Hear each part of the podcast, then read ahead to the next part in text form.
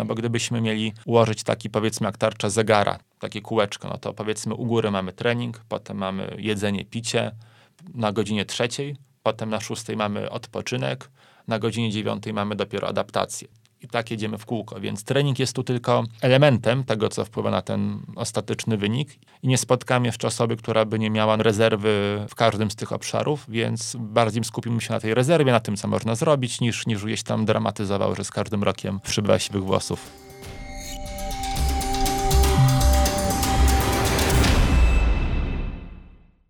Nawet jednorazowa konsultacja dietetyczna może w znaczny sposób poprawić jakość Twojego treningu. Dlatego partnerem odcinka jest Bite of Sport, zapewniający kompleksową opiekę dietetyczną dedykowaną sportowcom wytrzymałościowym, ale również jednorazową pomoc w wyeliminowaniu błędów lub doborze strategii żywieniowej.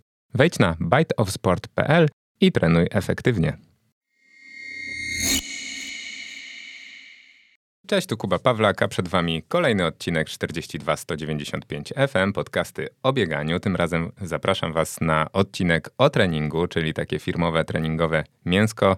Dzisiaj stopień wysmażenia oceniłbym jako krwisty. Pierwotnym pomysłem w ogóle na temat dzisiejszej rozmowy było to, jak z upływem lat wraz ze zmieniającymi się predyspozycjami naszego ciała powinny zmieniać się nasze metody treningowe. Cytując już na samym początku mojego gościa, mimo iż każdy z nas składa się w 70% z wody, a dla każdego maraton to te same 42 km, to jednak dróg do podobnego rezultatu może być niemal nieskończenie wiele. Byłem ciekawy, jakie drogi mogłyby najlepiej posłużyć zawodnikom, których zdolności do kształtowania poszczególnych cech składających się na sukces w bieganiu zmieniały się wraz z wiekiem. Zastanawiałem się, jak taki sztampowy, powiedzmy, plan treningowy znaleziony w internecie ma się do malejącego VO2 max, malejącej masy i siły mięśni oraz spowolnionej regeneracji, które postępują wraz z wiekiem zawodnika. Jak taki plan powinien być pod tym kątem modyfikowany, aby był po prostu skuteczny. Postanowiłem więc zadzwonić do Marcina Koniecznego, który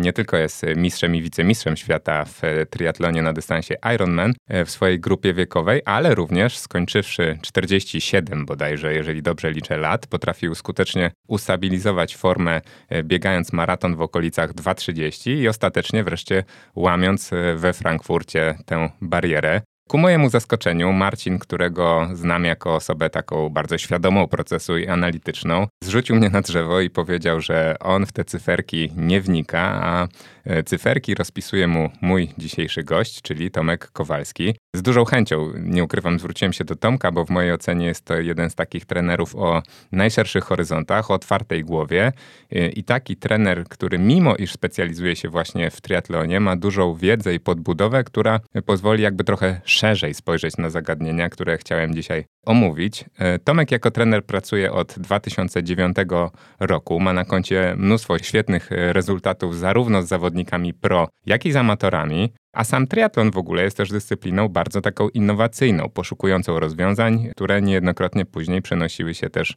właśnie do innych dyscyplin. Postanowiłem więc zgłębić temat i przygotowując się do rozmowy z Tomkiem, bardzo zainteresowałem się specyfiką treningu biegowego w przygotowaniach triatlonowych. E, odnalazłem tam dużo takich prawd i elementów uniwersalnych, trochę intrygujących, trochę ciekawych, a przede wszystkim takich, których przeniesienie na trening biegowy może być warte wdrożenia, a z pewnością jest warte przemyślenia i poznania. Dlatego dziś skupimy się w pierwszej części rozmowy właśnie na podobieństwach i różnicach oraz na tym, czego my, biegacze, powinniśmy po prostu się od triatlonistów uczyć. Niniejszym więc witam Cię, Tomku, w moim podcaście. Cześć, dzień dobry. Przed dzisiejszym e, spotkaniem porozmawiałem sobie z kilkoma Twoimi podopiecznymi o tym, jakim jesteś trenerem. O tym pewnie będzie trochę później, ale na samym początku mam dla Ciebie zagadkę. Zgadnij, e, jaki treningowy taki termin opisujący jedno z Twoich firmowych narzędzi treningowych wymieniany był przez wszystkich e, bez wyjątku. Monotonia. nie, nie. Chodziło mi bardziej o taki konkretny, może nie, nie Format konkretny. treningowy, zabawa biegowa.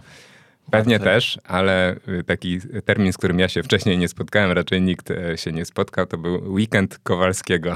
wyjaśnisz, okay. wyjaśnisz co to mm. oznacza?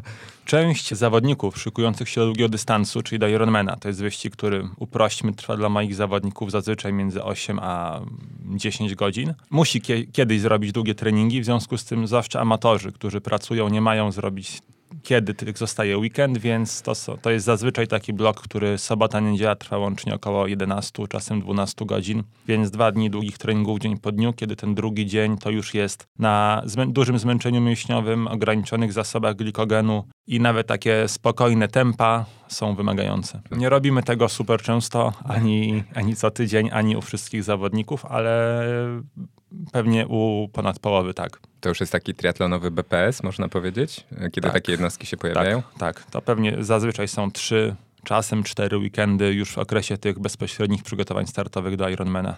Pewnie trochę cię pociągnę jeszcze za język e, tematyce właśnie specyfiki tego treningu, ale zacznijmy może sobie od początku, żeby trochę usystematyzować tę rozmowę. Ja daruję sobie te sucharki o tym, że triatlon to strzelanie i jazda na koniu, ale wydaje mi się, że mimo to może słuchać nas kilka osób, które nie siedzą zbyt mocno w temacie, choć w pewnym zrozumieniu no, każdy z nas biegaczy ma trochę swój mały triatlon z e, połączenia takich stref jak praca, życie i sport. Mhm. I pewnie podobnie jak w przypadku triatlonu jako dyscypliny, może nastąpić taki mały błąd poznawczy, polegający na tym, że my często myślimy o triatlonie właśnie jako połączeniu trzech konkurencji, a de facto no nie można na to w ten sposób patrzeć i wiele wynika tam z połączenia i specyfiki. A takim najbardziej jaskrawym przykładem tego, o czym mówię, jest to, że w praktyce chyba rzadko zdarza się to, że triatloniści mają trzech trenerów, prawda? Od każdej konkurencji. Tak, to od kiedy ja jestem w triatlonie, to już jakby minęło. Triatlon też nie jest super dyscypliną, która super długo istnieje, więc pierwsze lata to były dużo eksperymentów, metoda prób i błędów. To jeszcze były czasy przedinternetowe, gdzie ten transfer wiedzy był ograniczony i wtedy rzeczywiście różne modele, różne podejścia do treningu funkcjonowały równolegle, ale no, w sporcie zazwyczaj zostają tylko te podejścia, które się sprawdzają i posiadanie trzech trenerów od trzech różnych dyscyplin działało dużo gorzej niż, niż działa posiadanie trenera, czy tam trenowanie ze spójną koncepcją, gdzie mamy świadomość, jak jedna dyscyplina wpływa na drugą, jakie zmęczenie generuje i tak dalej. No właśnie, jakbyś mógł to w praktyce trochę jeszcze bardziej wytłumaczyć, bo e, mi od razu przychodzi takie skojarzenie, zderzenie takich e, dwóch myśli w nauce. Może teraz już trochę mniej, bo to, to też poszło do przodu, ale e, kiedyś pamiętam, że było takie dosyć duże rozróżnienie na taką szkołę, powiedzmy, naukowców postrosyjskich, postsowieckich mhm. jakiś tam, gdzie na przykład był specjalista od silników i on się znał na silnikach jądrowych, silnikach spalinowych, jakichś tam innych, a przeciwległym modelem był właśnie taki model, powiedzmy, na roboczo nazwijmy to amerykański, gdzie byli specjaliści od bardzo wąskich dziedzin. Na przykład tam był specjalista tylko od gaźnika, tak? I on się nie znał na niczym innym, on by silnika nie mhm. zbudował, ale był super ekspertem i z połączenia tej wiedzy, przez to, że oni potrafili pracować e, grupowo, mieli super komunikację, niejednokrotnie wychodziło dużo lepsze efekty niż e, właśnie z tego, e, kiedy tej specjalizacji było mniej. Dlaczego właśnie w triatlonie ten trend jest odwrotny? Dobre pytanie. E, bardzo możliwe, że jest to jakaś taka proteza związana ze słabością w ogóle sportu jako, jako dziedziny życia, która jest generalnie mniej dofinansowana niż nauka na, na wielu poziomach i posiadanie wielu specjalistów i super komunikacja między nimi, no to jest kwestia czasu, jaki można poświęcić na zawodnika czy jego trening. Natomiast e, jest to też kwestia pewnie ego trenerów, to, że jeśli trener odpływania zależy mu na tym, żeby zawodnik dobrze wychodził z wody, trenerowi biegania dobrze wychodzi, zależy na tym, żeby dobrze pobiegł. No a trener od roweru pewnie chciałby, żeby jak najwyżej zszedł z roweru, jak on pobiegnie, no to już nie jego problem. Więc wydaje mi się, że tu był lekki konflikt interesów. Też wymagałoby to naprawdę bardzo precyzyjnej komunikacji między przynajmniej trzema trenerami. Często też jest tak, że różne podejście treningowe funkcjonuje w innej dyscyplinie i, i inaczej się trenuje na rowerze, inaczej na biegu. Wreszcie na koniec dnia triatlon to nie jest pływanie plus rower plus bieg. Jakby jedno wynika z drugiego i taki dobry przykład, który sprawdzi się u większości zawodników, gdybyśmy sobie bardzo upraszczając podzielili całe nasze funkcjonowanie sportowe na dwa, dwa obszary. Jeden taki bardziej krążeniowo-oddechowy, układ serce, płuca, układ krążenia, a drugi mięśnie, no to na przykład w Ironmanie, czyli tym już najdłuższym takim w miarę wyczynowym dystansie, jest tak, że często opłaca się pojechać rower na niskiej kadencji, zmęczyć bardziej mięśnie, nie męczyć tak bardzo serca, a znowu bieganie, które generalnie wykonuje się na wyższym tętnie, to jest wysoka kadencja, krótki krok, można wtedy szurać, te mięśnie są zmęczone po rowerze, ale układ krążenia, układ oddechowy jest bardziej wypoczęty, więc można z tą wysoką kadencją, w cudzysłowie szurając, przemieszczać się naprawdę sprawnie. No ale oczywiście trzeba to trenować bo do niskiej kadencji na rowerze trzeba być przygotowanym, żeby pobiec z wysokim rytmem też to uwzględnia się w treningu. I to jest przykład tego, jak się dzieli bardzo długi wysiłek, w różnych momentach obciąża się trochę inaczej różne systemy, co na koniec dnia składa się fajny wynik na mecie, zazwyczaj, a gdyby każdy trener ciągnął swoją stronę, byłoby to pewnie cięższe nawet do zaplanowania. Przemawia do mnie bardzo ten argument, zwłaszcza jeżeli mówimy o sporcie takim amatorskim czy semi-pro, no bo wiadomo, że,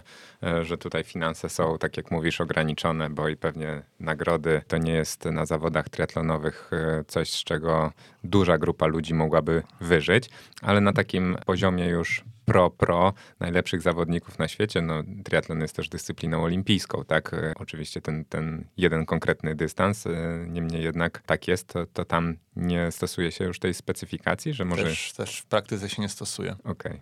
I też jakby nie przetrwało to próby czasu. Pewnie można by teoretycznie zastanawiać dlaczego, no ale jeśli coś działa lepiej, no to większość ludzi w sporcie woli robić to, co działa lepiej i nie dzielić włosa na czworo. Mhm. Dzisiaj jesteśmy w podcaście biegowym, więc na pewno te biegowe wątki będą nam się tutaj rozwijać e, najmocniej. Jeżeli jesteśmy przy tych zawodnikach pro, no to oni e, są w stanie, jeżeli mówimy o tym e, dystansie Ironmana, o którym, od którego wyszedłeś, czyli jeszcze tylko przypomnę gwoli tutaj redaktorskiej, redaktorskiego obowiązku, jeżeli ktoś nie wie, no to na tą dyscyplinę składa się poprawnie jeśli się mylę, 3,9 km pływania, 185 na rowerze i maraton na koniec, dobrze? No, muszę poprawić, bo Popraw. 3800 biegania i 180 na rowerze 3800 i maraton na, na koniec. Tak, okej. Okay. Dystans olimpijski to jest, e, teraz się na to dystans standard, 1500 pływania, metrów pływania, mhm. 40 km na rowerze i deszka biegu. Jest też dystans sprinterski, czyli paława, 750-25. No i są teraz te, też olimpijskie, są sztafety, które są dystansem takim bardzo szybkim, który zajmuje około 20 minut. Tam jest 300-400 metrów pływania, 60 na rowerze, powiedzmy 1,5 do 2 kilometrów biegu, czyli to jest już taki naprawdę dystans sprinterski i młodzież w tym sporcie wyczynowym to też zawsze staram się przemycić, nie zaczyna od tych długich dystansów. To znaczy, jeśli ktoś chciałby wysłać dzieciaka na triatlon, to nauczy się pływać, nauczy się jeździć na rowerze, złapie trochę biegowego ogólnorozwoju, no bo dystans taki dla juniorów czy juniorów młodszych to jest teraz najczęściej 600 metrów pływania, 15 roweru i trójka biegu, czyli cały wyścig trwa po, grubo poniżej godziny.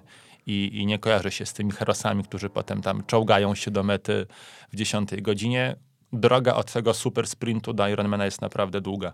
No myślę, że mamy tutaj sporo świadomych słuchaczy jednak e, po drugiej stronie i chyba my też już, e, większość z nas nie definiuje poziomu sportowego i wyczynu po samym mhm. dystansie, więc jasne oczywiście, że, że ten Ironman nie będzie tutaj dla nas e, sam w sobie jakimś tam wyznacznikiem poziomu sportowego, no bo nie, ale jednak jest taki dosyć mierzalny, no bo sporo osób, na pewno z moich słuchaczy też biega po prostu maratony, tak, i, i ukochała sobie ten w cudzysłowie tutaj mityczny, magiczny e, dystans. No i ja sobie zerknąłem na, na ostatnie tam wyniki z Hawajów i, i, i jak to generalnie w tym świecie pro triatlonu e, się kształtuje. No i wychodzi mi na to, że najlepsi triatloniści właśnie na dystansie Ironman biegają maraton e, w 2,40, 2,50 mniej więcej w tych widełkach w trakcie oczywiście tej dyscypliny, w trakcie całych zawodów. Jaki to ma wpływ na trening porównaniu do takiego treningu, jeżeli w ogóle istnieje takie pojęcie typowo maratońskiego? Na początku w takim dużym obrazku. Przede wszystkim tempa, jakie się osiąga w triatlonie, są niższe niż, niż, w, trening, niż w bieganiu na sucho, więc e, to oczywiście wpływa na trening, ponieważ ten aspekt biomechaniczny wygląda inaczej, na inne obszary kładzie się nacisk. Natomiast to jest tak, że mm, Ironman jest tym najdłuższym wyczynowym dystansem i tam ta dysproporcja między bieganiem na sucho, a bieganiem w triatlonie jest największa, bo gdybyśmy sobie zobaczyli, ile biegają najszybsi na połówce Ironmana, też już po dwóch i pół godzinach na trasie, no to to może być godzina 6 na przykład, jeśli chodzi o światową czołówkę. Z kolei jak spojrzymy, ile biegają najszybsi na dystansie olimpijskim, no to jest Zależy też oczywiście od trasy, ale zdarza się poniżej 29 na dychę mhm. już w triatlonie. Więc można powiedzieć, że to jest trochę wolniejsze na dystansie olimpijskim, bardziej wolne na połówce. Na Ironmanie to jest największa różnica, no bo często po pięciu godzinach na przykład zaczyna się maraton, więc to jest już zupełnie inny, inny wyścig. Natomiast gdyby miał o tym długim dystansie mówić, to na pewno dużo większe znaczenie w triatlonie ma rytm, ekonomia ruchu, a niekoniecznie dynamika, długość kroku i technika, jaką się preferuje, też jakby siłą rzeczy jest do tego dostosowana, żeby pobiec maraton jak Kipchoge po 2,50 czy 2,51 na kilometr, no to trzeba mieć zupełnie inny zapas prędkości, choć akurat nie lubię tego słowa, ale trzeba jakby zupełnie inaczej technicznie biegać, niż jeśli twoim celem jest to, żeby pobiec na przykład maraton po 3,30 na kilometr, bo tu już dużo większe znaczenie ma ekonomia ruchu, a nie sama wielkość silnika. I na koniec bym dodał, że Hawaje są bardzo specyficznym startem, bo jest tam po prostu pod 40 stopni. I maratony w około 2,30 z małym hakiem już biegają zawodnicy na Ironmanie, tylko w bardziej sprzyjających warunkach. Hawaje są wyjątkowo niesprzyjającymi warunkami. Czyli zaryzykowałbyś takie stwierdzenie, że my, amatorzy biegania, na przykład amatorzy maratonu, jacyś tam trójkołamacze, czy zawodnicy właśnie kręcący się z wynikami w okolicach trzech godzin, możemy na przykład od pro-triatlonistów, jeżeli chodzi o trening, e, nauczyć się więcej niż e, właśnie podpatrując takie typowe gwiazdy biegania, jak na przykład ten Eliud Kipchoge, na którego się powołałeś? To jest trochę kwestia światopoglądowa i gdybym chciał zacząć złośliwie, to bym powiedział, że nawet od chodziarzy można się nauczyć, bo chodziarze idąc sobie na 50 km idą maraton poniżej 3 godzin po drodze. Da się po te 4,15 przejść maraton i to pozwala też ułożyć gdzieś tam technikę, jaka jest do tego potrzebna. Na pewno dużo więcej osób jest w stanie nauczyć się takiej ekonomicznej techniki opartej chociażby o wysoką kadencję, jakieś tam niskie oscylacje, góra-dół i tak dalej, niż, niż jakby mm, wpłynąć na wielkość swojego silnika. To jest oczywiście trenowalne, natomiast w dużej mierze zależy od tego, jak dobrze wybierzemy rodziców i na to przecież mamy ograniczony wpływ. Także tak, myślę, że jakby dużo można się nauczyć, ale też jedno nie wyklucza drugiego, bo to nie jest tak, że albo, albo. To jest pewnie kwestia nacisku na dany obszar, czy w ogóle świadomości. Natomiast y, gdzieś niedawno przeglądam jakiś artykuł związany z selekcją w ogóle w sporcie i to jest taki temat, którego nie lubię, bo on jest taki bardzo brutalny, bezwzględny i i pewnie wiele, dla wielu osób demotywujący, ale statystyki były mniej więcej takie, że z 70 tysięcy trenujących wyczynowo koszykarzy na poziomie tam y, junior high w Stanach, z 70 tysięcy jeden ma szansę zagrać NBA, a znowu w Premier League, w tej najwyższej, elitarnych akademiach tylko 3% zawodników zagra choć minutę w Premier League. I pytanie, czy chcemy cały proces jakby mm, szykować pod tego jednego gościa z 70 tysięcy, no bo z, z, punktu jakby widzenia trenera przez całe życie można kogoś takiego nie, nie spotkać, czy, czy po prostu szykujemy się na mistrza i po drodze mielimy e, dużą liczbę osób, dla których ten proces sam treningu będzie przez to pewnie trochę bardziej frustrujący, no jest to, tak jak powiedziałem, kwestia światopoglądowa, pytanie dla trenerów, po co pracują, trochę może dla rodziców, po co pchają dzieci do sportu, no bo wiadomo, że korzyści są różne, samodyscyplina, organizacja, determinacja, wiele z tych korzyści można wynieść, no ale z drugiej strony, jeśli się spyta kogoś, czy chce wozić dziecko 12 e, razy w tygodniu na basen, z czego codziennie o 6 rano, gdzie sam proces nie daje mu jakby zero szans na to, że będzie dobrym pływakiem, no to pewnie byśmy się zastanowili. No, a z drugiej strony proces już jakby przygotowany pod kątem mistrzostwa sportowego za ileś tam lat na pewno dużo większą liczbę osób gdzieś tam zniechęci, sfrustruje, czy po drodze pokaże, że to jest nie dla nich. Więc to nie mam na to odpowiedzi, ale jakby ten background jest taki trochę małzełgordyjski. Nie? Mam podobne spostrzeżenie, jeżeli chodzi o szkoły muzyczne. Tam podobno też jest tak samo, że jest cały proces nastawiony na e, stworzenie jednego mistrza i wirtuoza, a 99,9%, które nigdy nim nie będzie, niestety bardzo musi się męczyć e, w tym procesie, który jest e, tylko i wyłącznie na to nastawiony i nie pozwala mieć, powiedzmy, wiele przyjemności z, z samego treningu i on jest mega żmudny. Ja nie chciałbym oceniać, czy to jest dobrze, czy to źle. Każdy sam musi jakby się life is brutal. No jasne. A dlaczego powiedziałeś, że nie lubisz sformułowania zapas prędkości? Bo uważam, że jest takim bardzo dużym skrótem myślowym i w większości przypadków, zwłaszcza w triathlonie, się nie przydaje. To znaczy rezerwa w takiej podstawowej wytrzymałości tlenowej jest u większości osób tak duża, że ten mityczny zapas prędkości, który się kształtuje w sumie w cholera wie jaki sposób, nie wiem czy mogę użyć takiego miękkiego sformułowania, no ale ktoś tam sobie biega dwusetki, ktoś tam sobie biega czterysetki, ktoś tam biega kilometrówki, ktoś biega, nie wiem, sprinty 60 metrów w kolcach jakby z punktu widzenia chociażby tego maratonu w 3.30, nie wiem, czy tam ma jakikolwiek związek. Mhm. Okej, okay, dobra, to pe pewnie gdzieś tam jeszcze ten temat wróci, bo jeszcze trochę o tych rzeczach i o technice też samej w ogóle będę chciał z tobą porozmawiać, ale na początku chciałem zapytać o samą jeszcze specyfikę w szerszym obrazku, bo tak jak powiedziałeś, tutaj jedna konkurencja w triatlonie wynika z drugiej. Zaczynamy, e, powiedzmy, jak już się uczepiliśmy tego Ironmana, no to ten maraton na bardzo zmęczonych nogach. Jakie rozwiązania w treningu mają za zadanie zaadaptowanie zawodnika do tego i czy to jest w ogóle możliwe, no bo jak patrzymy na sam maraton, no to też już ostatnie 10 kilometrów, nawet e, u zawodników pro, no to już biegnie się na, na takich lekko sztywnych nogach, to co dopiero jak się już w ten sposób zaczyna. Gdybym miał powiedzieć o dwóch rzeczach, które wydają mi się tak na szybko najważniejsze dla maratonu w Ironmanie, to jest po pierwsze, żeby zsiąść z roweru w dobrym stanie. No bo to niezależnie od formy biegowej i tego, co my robimy na, w treningu biegowym, jeśli zsiądziemy pół żywi z roweru, no to nic z tego nie będzie. Nie będziemy w stanie wykorzystać tego, co wypracowaliśmy. Więc punkt numer jeden to zsiąść z roweru w dobrym stanie i to wymaga i jakby przygotowań tych powiedzmy kondycyjnych, tak może to nazwijmy, i żywieniowych, żeby zsiąść z możliwie pełnym bakiem. I to jest jedna rzecz. A druga rzecz to jest to, żeby mieć dopracowane żywienie na maratonie w, w Ironmanie. Bo jakby bardzo ciężko jest to zrobić też na treningach, bo nie robimy treningów, które trwają 9 godzin. A jednak jest duża różnica, czy się zje załóżmy 5 żeli, czy 25 żeli. I, I, jakby to wymaga bardzo specyficznych przygotowań, żeby po prostu być w stanie dostarczać paliwo przez te 8, 9, 10, 12, 15 godzin. Na rowerze to słyszałem, że bufet jest e, dużo szerszy niż żele, prawda? Tam, znaczy tam na bieganiu tak samo, na bieganiu tak samo, ale to jest kwestia właśnie bardzo indywidualna, bo mnóstwo osób jakby w ogóle nie może jeść pokarmów stałych i nie mogą wcisnąć tam kurczaka z rożna i sobie ten maraton, no bo to nie jest super wysoka prędkość, tak jak powiedzieliśmy, pewnie. No 3,45 załóżmy tak dla najlepszych to jest tempo, w jakim biegną maraton, bo to tak gdzieś wychodzi te 2,40, 2,50. No e, myślę, że powiedzmy, niech to będzie nawet 3,40 średnio. No to, mm, to jakby to biomechanicznie też jest dużo łatwiejsze. To, to słabo do... sobie wyobrażam, żeby jeść batona w takim tempie, czy jest Zdarza możliwe? się. Tak? Banon, batan. Yy, wiadomo o co chodzi.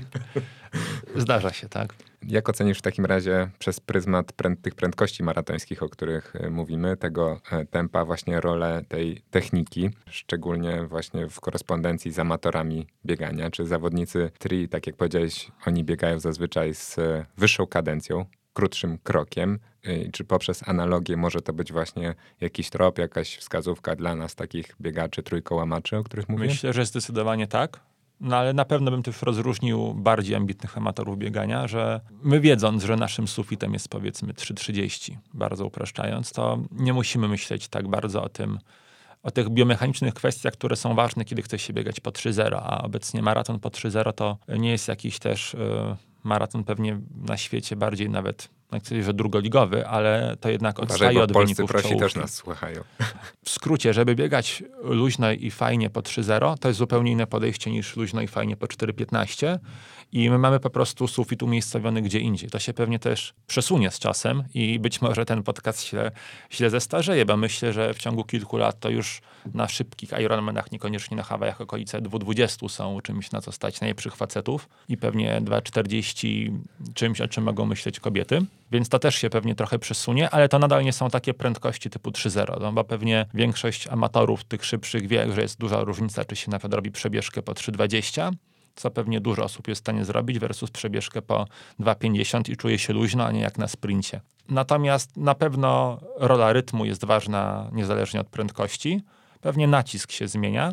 Natomiast myślę, że wiele osób, które e, nie mają jakichś super dużych silników, mogłyby z powodzeniem pomyśleć o technice biegu. Nie to takie często powtarzane ćwierć prawdy typu wysoko kolano, wydłuż krok, mocna praca rąk i tak dalej, czy koniecznie śródstopie albo palce, tylko skupić się na tym, żeby pracować. Znaczy, to też jest temat bardzo złożony, nie chciałbym wchodzić w szczegóły i, i będę upraszczał, Natomiast dla większości osób wyższa kadencja biegu jest odpowiednia, większość osób biega ze zbyt niską kadencją. Tutaj wartością, która często się powtarza, to jest 180 kroków na minutę i to oczywiście niższym zawodnikom jest wypracować łatwiej, wyższym ciężej. Jest to również zależne od prędkości, nawierzchni, obuwia, ale większość amatorów, jakbym sobie pewnie stanął pod domem na maratonie warszawskim, który biegnie na okolice 3 godzin lub wolniej, raczej biega z niską kadencją. W tych granicach, na tym poziomie, o którym mówimy, też wyższa kadencja to jest często mniejsze ryzyko kontuzji. Taka technika jest też dużo bardziej odporna na rozpadanie się pod wpływem zmęczenia, bo pewnie gdybyśmy poprosili 10 ekspertów biegowych, żeby ocenili technikę biegacza amatorów na piątym i 35 kilometrze maratonu i potem sobie to, nie wiem, podzielili na minutę, jakoś przemnożyli, zrobili jakiś taki parę eksperyment naukowy, to być może okaże się, że lepszą technikę mają ci, którzy są w stanie utrzymać średnią technikę, lepszą w skali całego wyścigu, niż ci, którzy wyglądają pięknie do połowy, a potem spadek jest dużo większy. Od jakiego poziomu twoim zdaniem e, to zaczyna mieć kluczowe znaczenie, bo rzuciłeś tam jakimś e, czasem 3.30, tak? E, no. Jeżeli no. wiemy, że to nasz sufit, to nie powinno nas to obchodzić, a od którego momentu powinniśmy gdzieś tam mniej czy bardziej myślę, Wiem, że, że, nie ma sztywnej granicy. Myślę, tak... że Marcin Konieczny jest dobrym przykładem, mhm. Mm, no bo on już za mało 2.30 i powoli kończy swoją przygodę z triatlonem, czy już skończył nawet. Skończył chyba. Nawet. Na przyszły rok mamy głównie tematy biegowe. I no, żeby się dalej poprawiać, to już ta, te wyższe prędkości będą musiały u niego wyglądać inaczej niż, niż dotychczas, jeśli chodzi o technikę i co za tym idzie trening. Duże to będzie ryzyko? Tak, myślę, że to jest właśnie też dobre określenie, że ten trening w triatlonie jest dużo mniej ryzykowny w związku z tym, że nie musimy się tak sadzić na te najwyższe tempa. Natomiast teraz na pewno będzie to dużo ryzyko, tym bardziej, że cele są ambitne i też nie dotyczą jakby większości słuchaczy, bo myślimy o półmaratonie w Toruniu, gdzie są Mistrzostwa Świata Masters i no, walce o, o najwyższy, e, najwyższe miejsce na podium, to gdzieś tam wymaga dyszki pewnie poniżej 32 minut po drodze. U zawodnika 50 plus to jest cały czas rekord polski master z tego typu okolice, więc no, zobaczymy jak wyjdzie. To nie jest taki projekt e, bez ryzyka, tylko mamy świadomość, że to ryzyko jest i być może to właśnie jest fajne, że nie jest tak, że z góry wiadomo, co trzeba zrobić i to wyjdzie, tylko nie jest 50-50, ale na pewno ta strefa zgniotu tam jest dużo większa niż, niż, niż wcześniej. Słuchacze tego nie widzieli, ale ja zauważyłem taki e, lekko szyderczy uśmiech e, u ciebie na twarzy w momencie, kiedy e, mówiłeś o tych poszczególnych elementach techniki biegu, zwłaszcza o biegu ze śródstopia. To powiedz, e, rozwiń ten temat, bo czuję, że tam jakaś ciekawa teoria się u ciebie kryje. Czy to słynne takie bieganie z pięty, którego boimy się jak ognia, tak? I, i gdzieś tam obrosło takimi legendami, to, to nie jest aż takie złe w związku z tym, co mówisz?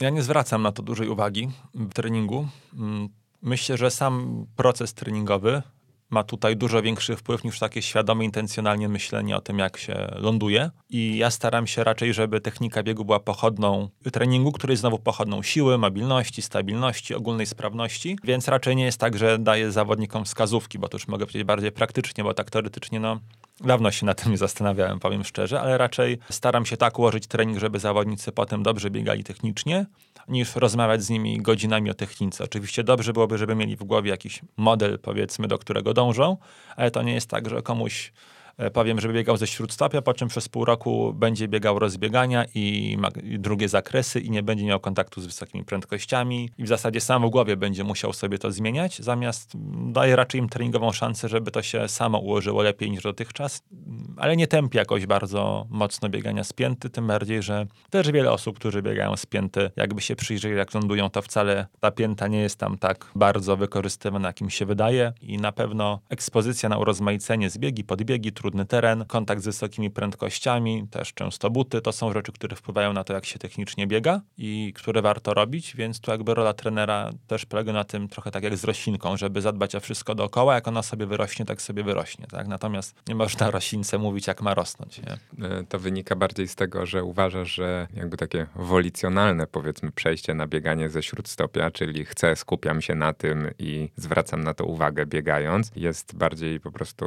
nieskuteczne, czy bardziej ryzykowne, że ty tego nie, nie rekomendujesz? Na pewno ryzykowne, to znaczy gdzieś z tyłu głowy mam... Mm, dawno temu, kiedy był miesięcznik bieganie, zdarzało mi się tam pisać artykuły. Jednym z pierwszych był, był cykl o kontuzjach biegowych. To były naprawdę zamierzchłe czasy i posikowałem się nie pamiętam już jaką książką, ale jej przesłanie brzmiało tak, że świadome i celowe wydłużanie kroku czy zmiana sposobu lądowania jest częstą przyczyną kontuzji. To mi się bardzo utrwaliło na, na kolejne lata.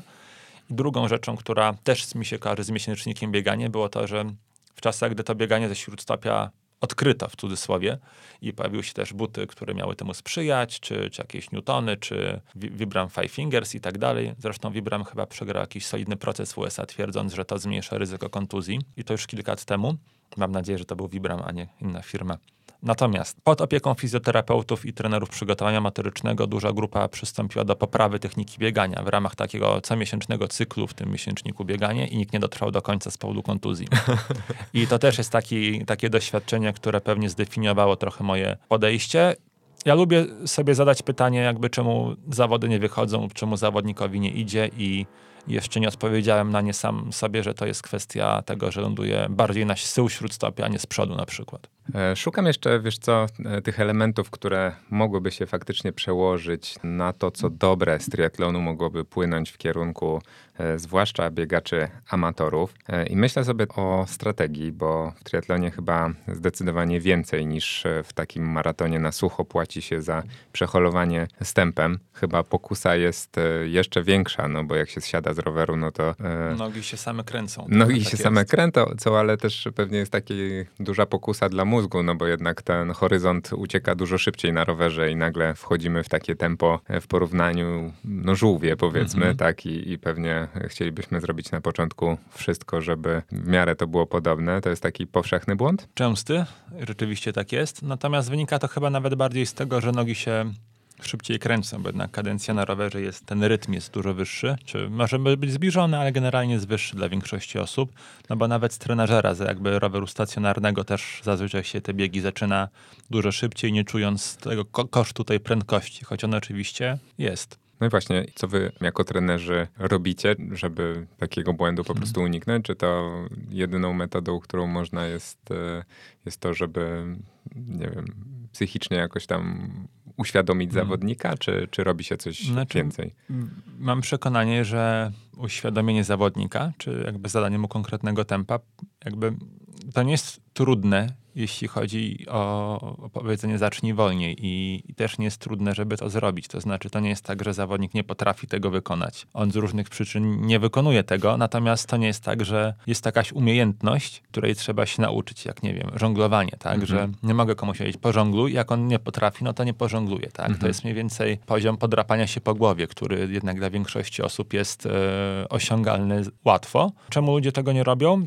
Zacząłeś od tych weekendów Kowalskiego. W sumie sam chyba nigdy tego nie powiedziałem na głos. E, też tak tego nie nazywam. Natomiast jeśli na przykład masz w sobotę 5 godzin roweru z zadaniem, w niedzielę plus pływanie, w niedzielę zaczynasz od pływania i masz potem zakładkę 3 plus 2, 3 godziny roweru i 2 godziny biegu, to jeśli na świeżo pamiętasz, jak się czułeś tego drugiego dnia w tej drugiej godzinie i wiesz, jak łatwo jest na początku, jak trudno jest później, to gdzieś wydaje mi się, że to zostaje i to pomaga podejmować dobre decyzje w trakcie zawodów. Mhm. Mm, natomiast nie traktowałbym tego, że tutaj potrzeba czegoś magicznego. Myślę, że nawet bardziej w bieganiu może być to problemem, bo sporo ludzi sobie wytycza tempo zawsze maratonu, wylicza z jakichś kalkulatorów, gdzie, tak jak już dziś mówiłem, w większości brakuje tej podstawowej wytrzymałości tlenowej, więc ten spadek będzie dużo większy niż to wynika z jakichś tam równań, algorytmów i tak dalej. No ale chyba bardziej spektakularne zgony są jednak w triatlonie, na, na, na, ostatnich tam gdzieś, na końcówce, nie? Przynajmniej to się bardziej do mediów przebija gdzieś tam. Tak, to, to na pewno też wysiłek jest no, pięciokrotnie dłuższy dla wielu osób, więc y, powiedzmy statystycznie, no to jest pewnie właśnie 5-6 razy dłuższy wysiłek, więc siłą rzeczy, mhm. jeśli nie jesteśmy przygotowani tlenowo, to to im dłużej, tym ciężej tak naprawdę. Plus tu jest jeszcze kwestia tego, że na rowerze da się jechać wolno i cały czas się jedzie i to wygląda nie jakoś dziwnie. Natomiast jak już się idzie na biegu czy truchta, no to każdy ma z nas z tyłu głowy gdzieś tam ten obraz biegaczy z bieżni czy czołowych Kenijczyków, którzy tam zamiatają tymi nogami, a tutaj mamy jakiś tuptaczy. Natomiast mhm. na rowery, czy się idzie 20 czy 30 na godzinę, to ta biomechanika jest przynajmniej zbliżona i najwyżej się troszkę przemieszcza tło szybciej lub wolniej, ale to też może zależeć od wiatru, więc jakby to nie rzuca się tak bardzo w oczy. A sam mówiłeś o tym, że oprócz e, strategii tempa, strategii biegu po prostu nazwijmy to tak, liczy się bardzo strategia odżywiania, że e, zjeść 5 żeli, a 25 to jest e, kosmiczna różnica. Czy ty jako trener w ogóle ingerujesz w te kwestie, czy zostawiasz to, nie wiem, dietetykom i zawodnikom taki trening samemu, bo wydaje mi się, że w ogóle jeżeli ktoś słuchał może odcinka podcastu o żelach, no to my w ogóle też jako biegacze nam czasami się wydaje, że zje, jak zjemy w trakcie maratonu pięć żeli, to już jest o Jezu kosmos, ile my, jak my fantastycznie jemy, a okazuje się w rzeczywistości, że to, to wcale nie jest jakiś, jakaś rekordowa e, ilość i tak naprawdę powinniśmy tego robić jeszcze więcej, więc co wy robicie, że jesteście w stanie, tak jak powiedziałeś, pochłonąć, nie wiem, 25 i nie zmęczyć smaku, nie zmęczyć układu pokarmowego na tyle, żebyście byli w w ogóle w stanie to zrobić? Zazwyczaj, znaczy zawsze z zawodnikami rozmawiam o tych strategiach żywieniowych. Wbrew pozorom nie ma tak wielu dietetyków, którzy potrafią zarządzić tym żywieniem, jeśli wysiłek trwa 10 godzin. Był taki etap w mojej trenerskiej przygodzie, że stwierdziłem, że będę wysłał do specjalistów i nie będzie mi się chciało tym zajmować. Wychodziło to raczej gorzej, bo wbrew pozorom właśnie niewielu specjalistów ma świadomość, jakie faktycznie wyzwania czekają na, na tym długim dystansie. Nie wiem, czy to się przykłada na, na bieganie, przynajmniej na bieganie maraton i krócej. Pewnie w biegach ultra jest inaczej. No bo można sobie te kalorie wyliczyć, natomiast jeszcze jest kwestia tego, co się je, jak to się toleruje po kilku godzinach. Pięć żeli pewnie większość osób potrafi w miarę bezkarnie zjeść, a te przykładowe 25 już niekoniecznie. Wstręt od chemii, tolerancja żołądka. Zresztą w bieganiu też jest bodajże, nie wiem, z 2-3 lata dość rośnie popularność tego gut training, czyli mhm. po prostu po polsku treningu jelita, który brzmi szumnie, ale po prostu polega na tym, że się je dużo więcej na treningach, co pozwala zwiększać absorpcję energii już na poziomie jelit. No bo to nie chodzi o to, ile wpakujemy sobie w usta i przyłkniemy, tylko ile rzeczywiście dostarczymy pracujących pracującym mięśniom energii, więc jakby tam jest ileś tam etapów tego dostarczania energii i, i to, ile sobie jakby wpakujemy do żołądka, to nie jest ten etap, który jest wąskim gardłem. Potem organizm musi umieć to wykorzystywać i to się da wytrenować wyłącznie jedząc dużo na treningach. Więc to jest jakby stały element tego krajobrazu przygotowań do, do długich wyścigów, który zaczyna się już kilkanaście tygodni przed. Czy w bieganiu to jest aż tak istotne? W maratonie pewnie niekoniecznie. Znowu widziałem ostatnia badania, że jeśli chodzi o biegi ultra, że nawet 120 gram węgli na godzinę, co mniej więcej zahacza o 450-500 kilokalorii, czyli to jest zazwyczaj z 5-6 żeli w ciągu godziny. Wa warto by było zjeść, tak? Mhm. Że jak się patrzy, jakie czołówka, to są często tego typu praktyki. I też nie da się tego zrobić tak z ulicy. Oczywiście intensywność na pięciogodzinnym wyścigu jest niższa niż na dwugodzinnym czy trzygodzinnym, więc jest trochę łatwiej. Natomiast, e, natomiast nadal jest to dużo więcej niż większość, większości się wydaje, że powinni jeść. A opisz nam trochę pokrótce, jak w ogóle bieganie mieści się w planie treningowym triatlonisty, tego, tego na przykład przygotowującego się do, do Ironmana, no bo tutaj najwięcej na tym skupiamy uwagi, więc może zostańmy przy tym, żeby, e, żeby ta nasza rozmowa była w miarę spójna, bo ja mam takie spostrzeżenie, że bardzo wielu amatorów e, biegania inspiruje się e, zawodnikami pro, trenuje bardzo dużo, trenuje dosyć ciężko, a te wyniki nie do końca korespondują z tym i patrząc na to, że, że w triatlonie jednak ten trening biegowy często pewnie, tak jak zaraz e, być może mnie wyprowadzisz z błędu, ale wydaje mi się, że, że zdecydowanie spokojniejszy, oczywiście podbudowany też, prawda, budowaniem wytrzymałości chociażby na rowerze. Niemniej jednak tych jednostek wcale nie ma aż tak dużo. Objętość nie jest taka duża, a jednak triatloniści, tak jak wspomniałeś, potrafią naprawdę solidnie biegać. Być może to jest jakaś wskazówka e, dla części z nas e, biegaczy, że po prostu wcale metoda nie leży w tym, żeby, żeby się zażynać treningowo. W takim wydaniu amatorskim na długim dystansie rzeczywiście powiedziałbym, że ten trening biegowy jest lightowy. Nie wiem, czy tak to odbierają moi zawodnicy, natomiast jak już się wytnie ten okres roztrenowania, to wydaje mi się, że jestem w miarę na świeżo po tych posezonowych analizach. Nikt nie przekraczał 50 km w tygodniu zawodnicy, którzy meldowali się w dziesiątce Mistrzostw Świata w tych wydaniu Age Group, gdzieś tam biegali pewnie około 40 km w tygodniu w okresie tych 8-9 miesięcy najcięższego treningu, więc to nie jest jakoś super dużo. Oczywiście po tym, jeśli się robi Ironmana, żeby się zakwalifikować na Hawaii, no to potem 2-3 tygodnie się biega symbolicznie, więc to też obniża średnią. Natomiast większość amatorów u mnie biega 3, czasem 4 razy w tygodniu. Jest tam jeden akcent, może półtora akcentu, w sensie e, pozostałe treningi nie są rozbieganiami, jest to jakaś właśnie zabawa biegowa, czy długi bieg, który zaliczam jako wymagającą sesję, plus jeden akcent taki bardziej wymagający. Na pewno dopakowanie tego pływaniem i rowerem bardzo pomaga w zbudowaniu tej bazy tlenowej. Też bardzo często u mnie zawodnicy, którzy mają ten akcent biegowy, robią go w tym okresie BPS-u na zmęczonych nogach, już po jakimś akcencie kolarskim w tym samym dniu lub dzień wcześniej. Myślę, że to jeśli ktoś śledzi doniesienia ze świata biegowego, to jest blisko tej norweskiej szkoły, czyli próg dwa razy dziennie, że rano na pływaniu, potem na bieganiu i to też działa bardzo dobrze u większości zawodników. I w zasadzie, gdybym miał powiedzieć, czym to się różni na przykład od mm, zawodniczek bardziej, ale też zawodników na światowym poziomie na dystansie olimpijskim, no to bardziej objętością. Tam niekoniecznie przynajmniej, nie u wszystkich, ale też ten trening jest wyraźnie spokojniejszy niż u biegaczy. Pracowałeś w ogóle z e, zawodnikami trenującymi tylko stricte podbieg? Nie. Ale znasz mniej więcej, prawda, te, te tak, praktyki? to znaczy, żeby...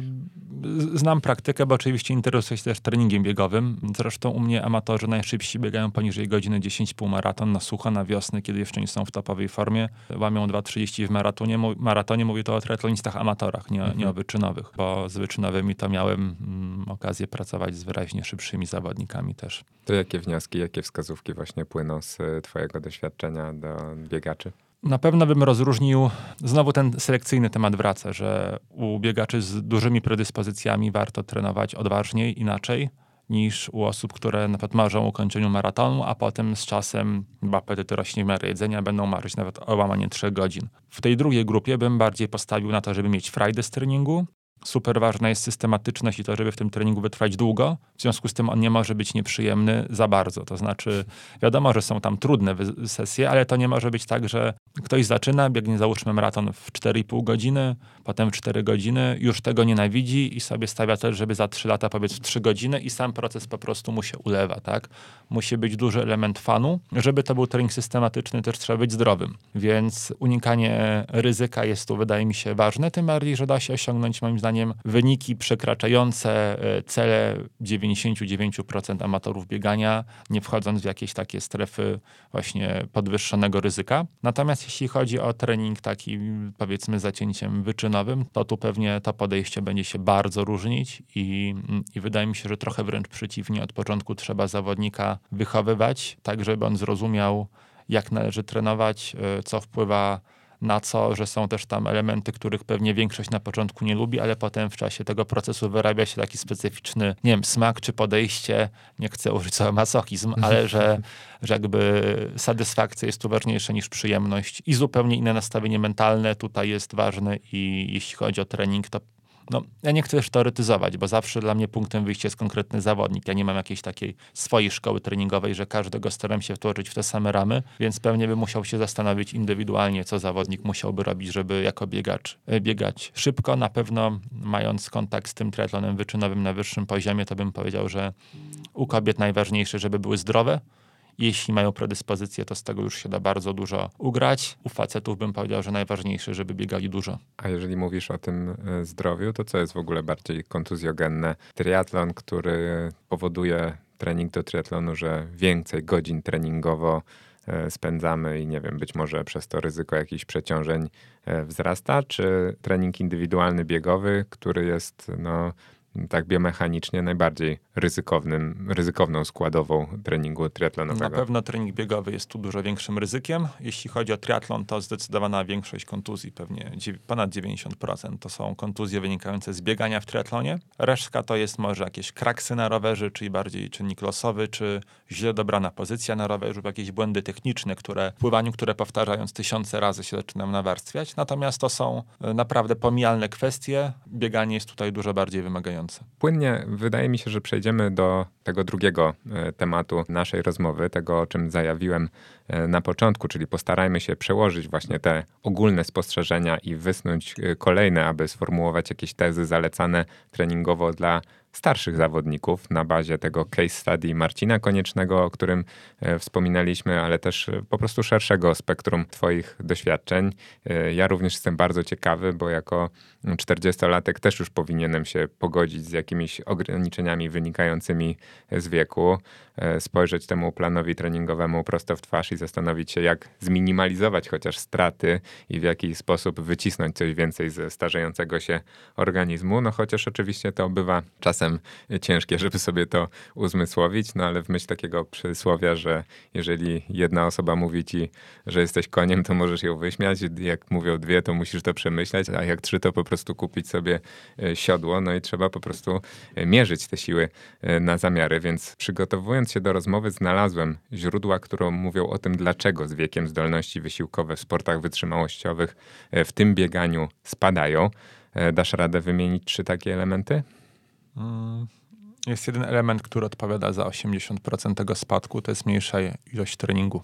Mniejsza ilość treningu? Tak, tak. Nawet w tym roku się ukazało, tylko nie pamiętam autora, badanie, które analizując jakby trendy i zmiany wśród osób tam 40-50 plus, okazywało się, że w zasadzie 80% tych zmian wyjaśnia mniejsza mniejsze obciążenie treningowe. Oczywiście czemu ono jest mniejsze, to jest kolejne pytanie. No właśnie. Bo to jest wolniejsza regeneracja, częstsze kontuzje, często może jakieś znudzenie tym procesem, który trwał od wielu lat. Natomiast jest też tak, że y, ta świadomość, ten wiek 40 lat, poniżej którego teoretycznie TV2 Max spada, nie sądzę, że był aktualny. To znaczy, myślę, że to jest wiedza sprzed 20-30 lat i to jednak społeczeństwo dorosłe było dużo mniej aktywne, więc rzeczywiście ten spadek tam było łatwo zaobserwować. Natomiast teraz widzimy chociażby po Eliudzie Kipczogę, który nie wiem ile ma lat oficjalnie, szczerze powiem, ale Wydaje mi się, że 38, on jest 84 rocznik z tego, co kojarzę. Tak, i chyba jako junior młodszy biega już 12 coś na piątkę. E, natomiast, e, na, natomiast patrząc chociażby też po Marcinie, który swoje rekordy życiowe w bieganiu ustanowił w wieku 47-8 lat i myślę, że jest solidna szansa, że ustawi, ustali je na nowo w wieku 52-3 lat. Myślę, że powiedzmy mm, 50 to jest nawet 40, tak bym powiedział. No właśnie, było w tych badaniach pewnie sprzed 20 lat, o których mówisz, e, powiedziane, że VO2 max po 40 spada mniej więcej o 10% na dekadę.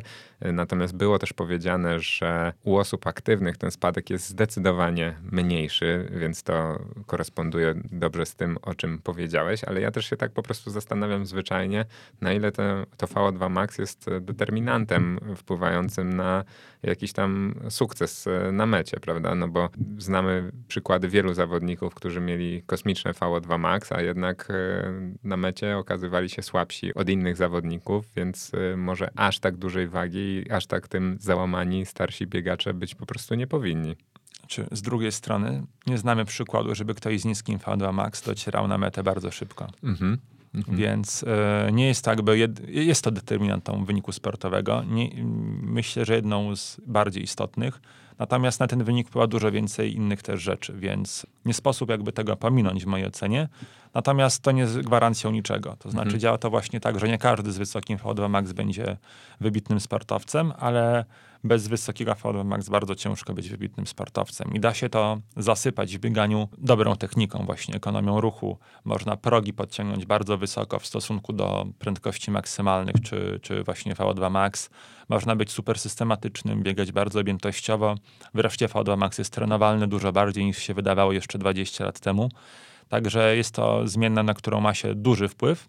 Jest to też zmienna, która określa y, nasze przeznaczenie sportowe, y, bo mając dość duży przegląd zawodników wyczynowych i wiedząc, jakimi wartościami maksymalnego połapu tlenu się charakteryzują, myślę, że dla większości słuchaczy to nie jest ograniczeniem. Powiesz jeszcze króciutko o tym, czym jest w ogóle VO2 Max? Bo Oj, wolałbym nie wchodzić w fizjologiczne dywagacje, a ty możesz powiedzieć, bo boję się coś, wiesz. Nie, nie. nie. Powiem nieprofesjonalnie, a mi nie wypada, no ale generalnie to jest zdolność organizmu do pobierania dużej ilości tlenu, który potem przekłada się na energię, jaka dociera do mięśni w takim bardzo dużym uproszczeniu. Tak, mi się wydaje, że to duże uproszczenie na potrzeby tej rozmowy zdecydowanie Jest to w dużej wystarczy. mierze determinowane genetycznie, ale też w dużej mierze trenowalne. Nieznacznie, jak ja powiedzieliśmy, spada e, wraz z wiekiem. Natomiast na ile ten spadek to jest kwestia samej metryki, a na ile tego, że na przykład spada siła mięśni albo trenujemy mniej, to jest jakby cały czas wymaga dalszych badań. I im krótszy czas wysiłku, może nie dotyczy to sprintów, ale powiedzmy, że VO2 max ma największe znaczenie w czasie wysiłków trwających między 3-4 minuty a 30 minut powiedzmy.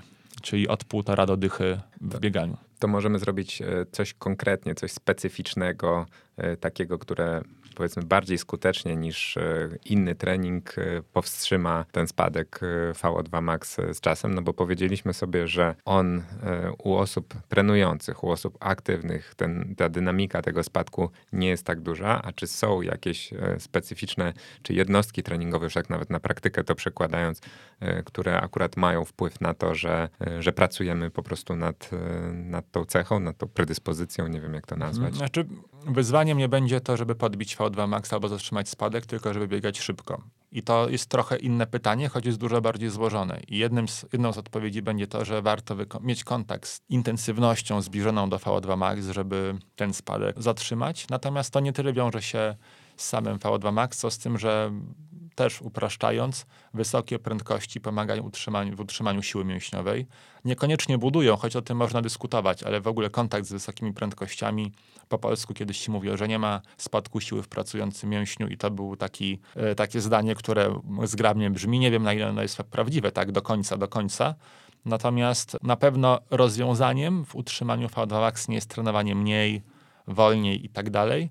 I często właśnie być może trzeba zadbać o taką minimalną, skuteczną dawkę tych wysokich intensywności, a zająć się w dużej mierze budowaniem objętości, właśnie wytrzymałości tleniowej, pracy na progach, żeby je możliwie wysoko podnieść, a tutaj bardziej skupić się na utrzymaniu niż na podbiciu. Wreszcie mamy znowu cały dział ekonomii biegu, e, wreszcie mamy znowu cały ten dział siły mięśniowej, że po prostu wzmocnienie mięśni, czy praca nad mobilnością, która sprawi, że będziemy być może mieli lepszą efektywność ruchu i tak dalej. To są wszystkie rzeczy, które wpływają na to, jak szybko będziemy biec. Natomiast one są troszkę obok tego VO2 Max.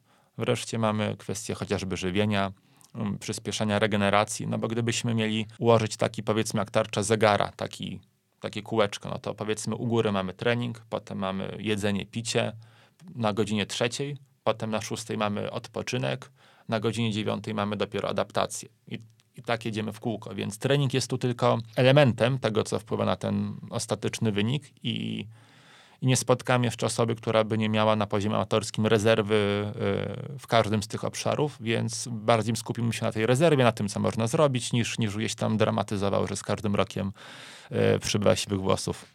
Okej, okay, no to jest, to jest chyba główne przesłanie, które będzie tutaj e, płynęło z naszej rozmowy, takie pozytywne i fajne, ale jeszcze popytam cię o jakieś e, szczegóły, mimo że zdaję sobie sprawę z tego, że to jest bardzo zindywidualizowane i ciężko jakby takie ogólne tezy, ale powiedziałeś o tym spadku siły mięśniowej i powiedziałeś również o tym, że pracujący mięsień jakby tą siłę w pewien sposób podtrzymuje czy tam mhm. rozwija. Wniosek, który z tego płynie jest taki, że będąc zwłaszcza za, zawodnikami w zaawansowanym bardziej wieku, nie powinniśmy tylko ograniczać się do spokojnych temp biegu, tylko y, biegać szybko po to, żeby angażować y, jak największą. Liczbę Lub tych. na przykład pod górkę, gdzie można zmusić się do intensywności, a ryzyko kontuzji związane jest jakby wysokimi prędkościami, ryzyko takich lokalnych przeciążeń jest dużo mniejsze. No właśnie, czyli bieganie szybkie, bieganie pod górkę, a wzmacnianie się takie, jeżeli chodzi o ciężary mhm. po prostu o siłownię, bo rozmawiając właśnie chociażby z rzeczonym Marcinem Koniecznym, y, on mówił, że ty w treningu stosowałeś, on użył takiego sformułowania, zachęty do treningu siłowego i że w waszym przypadku na przykład tej współpracy za każdym razem kończyło to się y, nie za dobrze i wracaliście do tej takiej właśnie podstawy opartej o bieganie, czy ewentualnie tylko obciążenia swojego ciała tak, to wynikało u Marcina z kilku rzeczy. Przede wszystkim z tego, że on pracuje bardzo wyjazdowo i ciężko było tam o stały kontakt z ciężarami, a wiadomo, że te pierwsze x, kilka sesji jest, płaci się za nie dużo, dzień po, dwa dni po i biega się na jakby dużo mniej komfortowo i dużo wolniej, no bo dopóki się nie zaadaptowało do tych ciężarów, a robienie tego na zasadzie raz w tygodniu, a potem druga sesja gdzieś tam w hotelu z ciężarem własnego ciała, to nie za dobrze działało. Natomiast rzeczywiście jest tak, że jeśli mamy załóżmy trzy naboje w tygodniu, trzy okazje do jakościowego treningu, bo więcej jakby nie jesteśmy w stanie się do tego zaadaptować, jest to za dużo, nie zdążymy się regenerować, no to pytanie, czy lepiej trzy razy ciężko pobiegać, czy przenieść te, te inwestycje na przykład na siłownię. I zazwyczaj okazuje się, że dopóki nie ma takiego wyraźnego spadku, który bym pewnie bardziej kojarzył dzisiaj z 55 rokiem życia może, to generalnie bardziej opłaca się jakościowo trenować i robić delikatne podtrzymanie czy wzmacnianie, niż inwestować mocno w pracę z ciężarami. A czy ten spadek siły mięśniowej, który powiedziałeś, że e, w 55 roku obserwujesz taki wyraźny współcześnie u zawodników, oczywiście generalizujemy mhm. tutaj, wszyscy muszą sobie z tego zdawać sprawę. Jest jakaś różnica, e, jeżeli chodzi o płeć zawodnika? Czy na przykład u pań e, występuje to szybciej, a może później? Dobre pytanie. Nie mam jakby tutaj też takiego dużego przeglądu pola, ale w ogóle bym powiedział, że u pań ten deficyt siły jest, e, jest generalnie większy. Mhm, czyli rekomendowałbyś, żeby jeszcze mocniej Znaczy tu działa to samo, to znaczy jeśli nawet są w stanie trzy razy w tygodniu jakościowo biegać i do tego dorzucić trening na przykład siłowy czy funkcjonalny, który też daje w kość, no to trzeba spróbować. Natomiast jeśli one już ledwo co wyrabiają, realizując trening podstawowy, to trening uzupełniający powinien pozostać uzupełniający i nie generować jakoś dużo większego zmęczenia w takiej skali makro. No. Oczywiście jest też kwestia kontuzji, czyli być może jest jakieś słabe ogniwo, które trzeba zadresować, żeby właśnie móc sobie w ogóle pozwolić na tę systematyczność. Czyli to jest bardzo indywidualne. Pewnie jak e, osoba trenująca się sama raczej powinna się zwrócić e, o pomoc, jeżeli chodzi o takie doradztwo w tym zakresie. Ciężko jest obserwować i oceniać swój trening, ale jeśli na przykład widzimy, że dołożenie czegoś nam psuje inne rzeczy, no to trzeba się zastanowić, co jest więcej warte w treningu.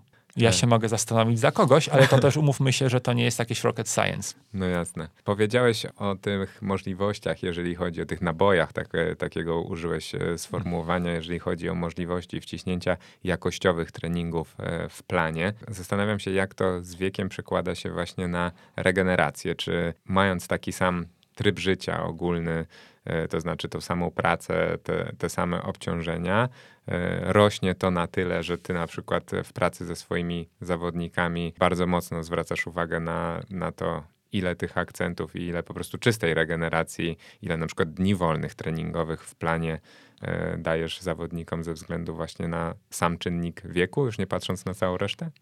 Znaczy, ja zawsze patrzę na to, jakim idzie i jakby ten wiek jest taką rzeczą, którą mam z tyłu głowy, ale nie jest tak, że ktoś teraz nagle miał 49 lat, teraz ma 51, więc musi mieć jeden dzień wolny więcej. Raczej patrzę, co się dzieje.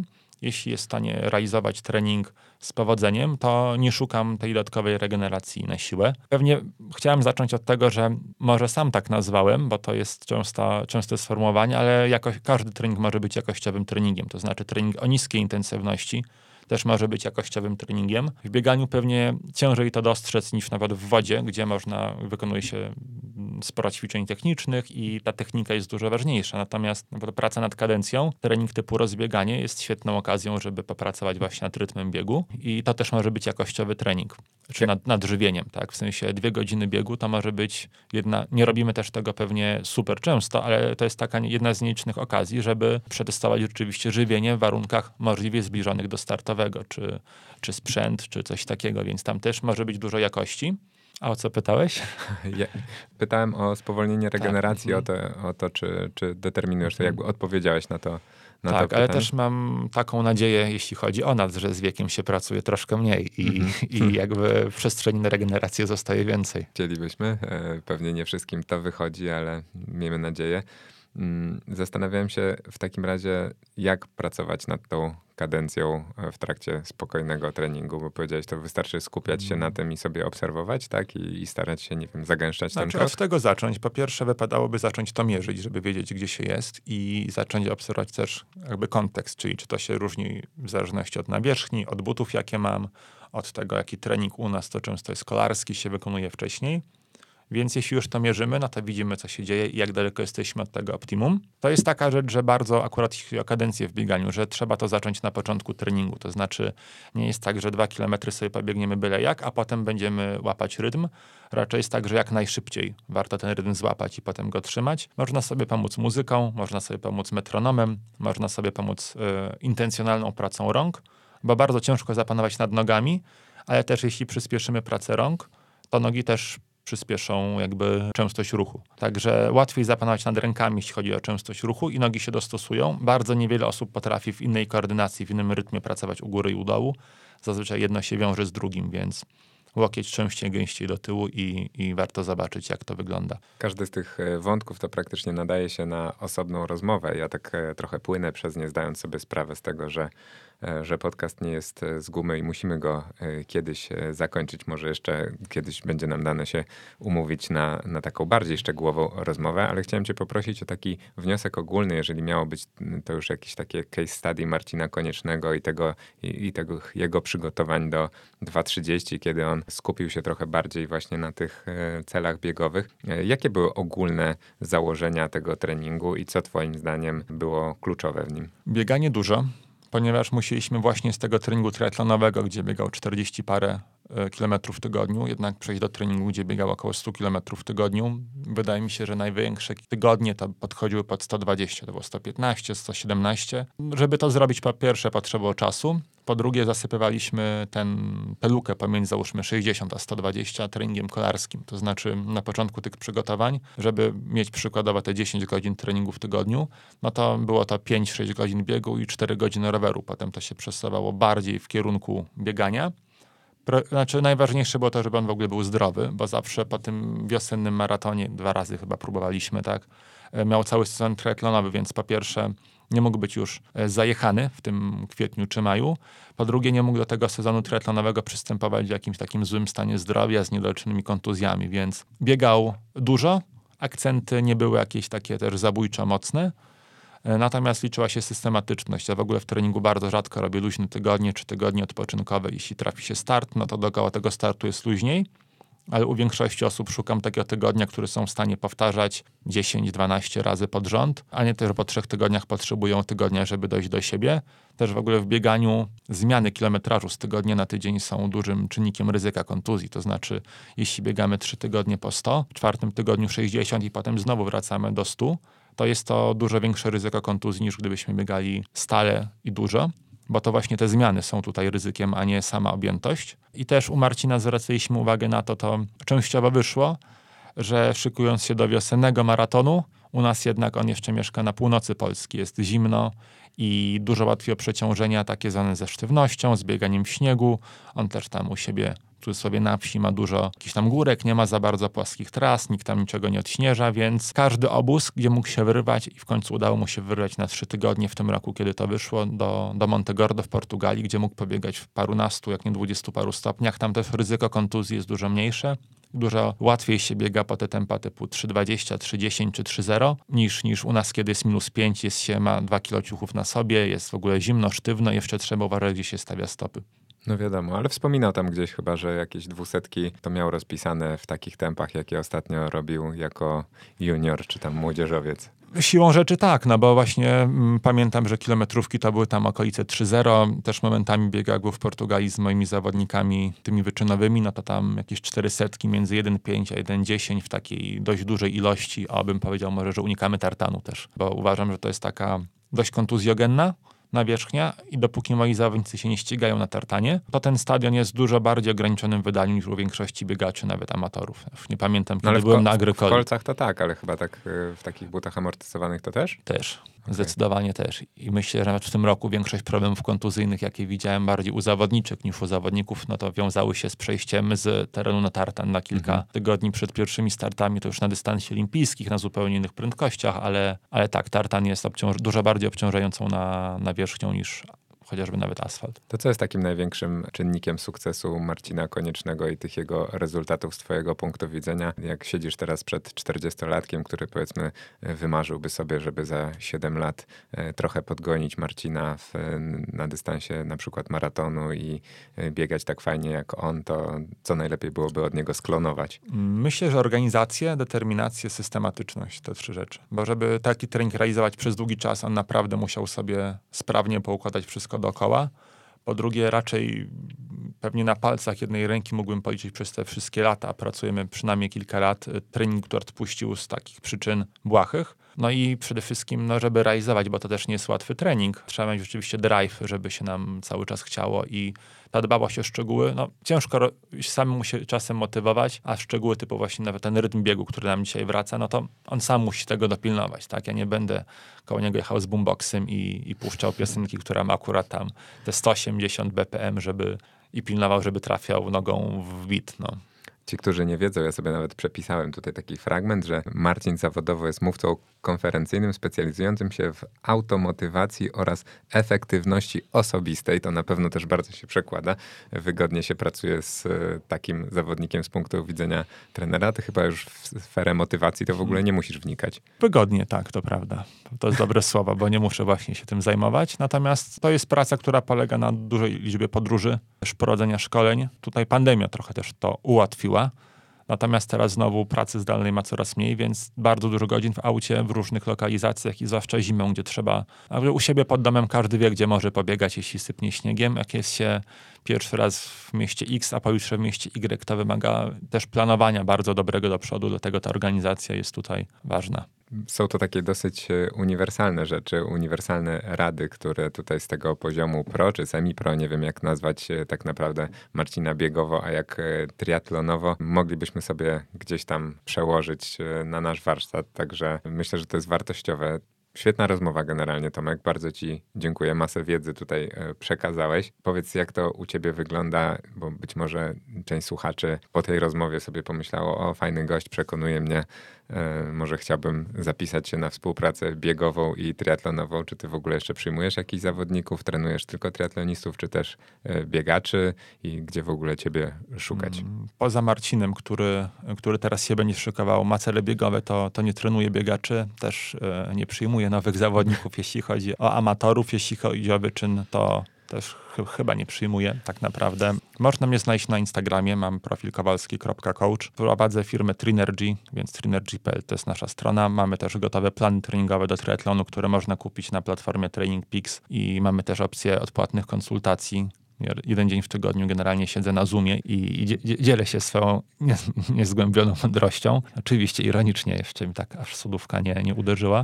Potwierdzam, jest uśmiech I, na twarzy. I, i, i tyle chyba. No cóż, e, ja polecam wam nawet, e, jako że pewnie z racji formatu tego, którego słuchacie, interesujecie się podcastami, czy, czy słuchacie różnych form, e, też właśnie podcasty Trinergy, mimo że z tego co wiem teraz aktualnie regularnie jakoś tam nie wychodzą, ale myślę, że dużo takich właśnie uniwersalnych prawd i wiedzy treningowej nawet dla osób, które nie myślą podobnie jak ja o przygodzie związanej z triatlonem. Bardzo fajnie się tego słucha, także polecam Dzięki Tomek jeszcze raz za dzisiejszą rozmowę. Dziękuję za zaproszenie, dzięki. I na koniec jeszcze dwa takie ogłoszenia. Po pierwsze, jeżeli jesteście w tym miejscu podcastu, no to znaczy, że nie wyłączyliście go i że te treści was w jakiś sposób zainteresowały.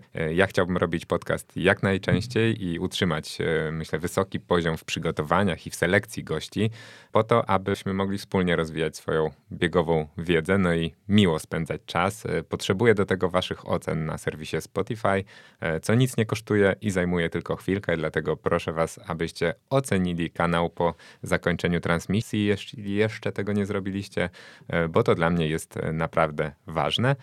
A po drugie, zachęcam Was też do odwiedzenia strony internetowej 42195.fm gdzie znajdziecie m.in. informacje o ważnej i myślę wartej polecenia inicjatywie od marki Adidas, czyli With Woman We Run.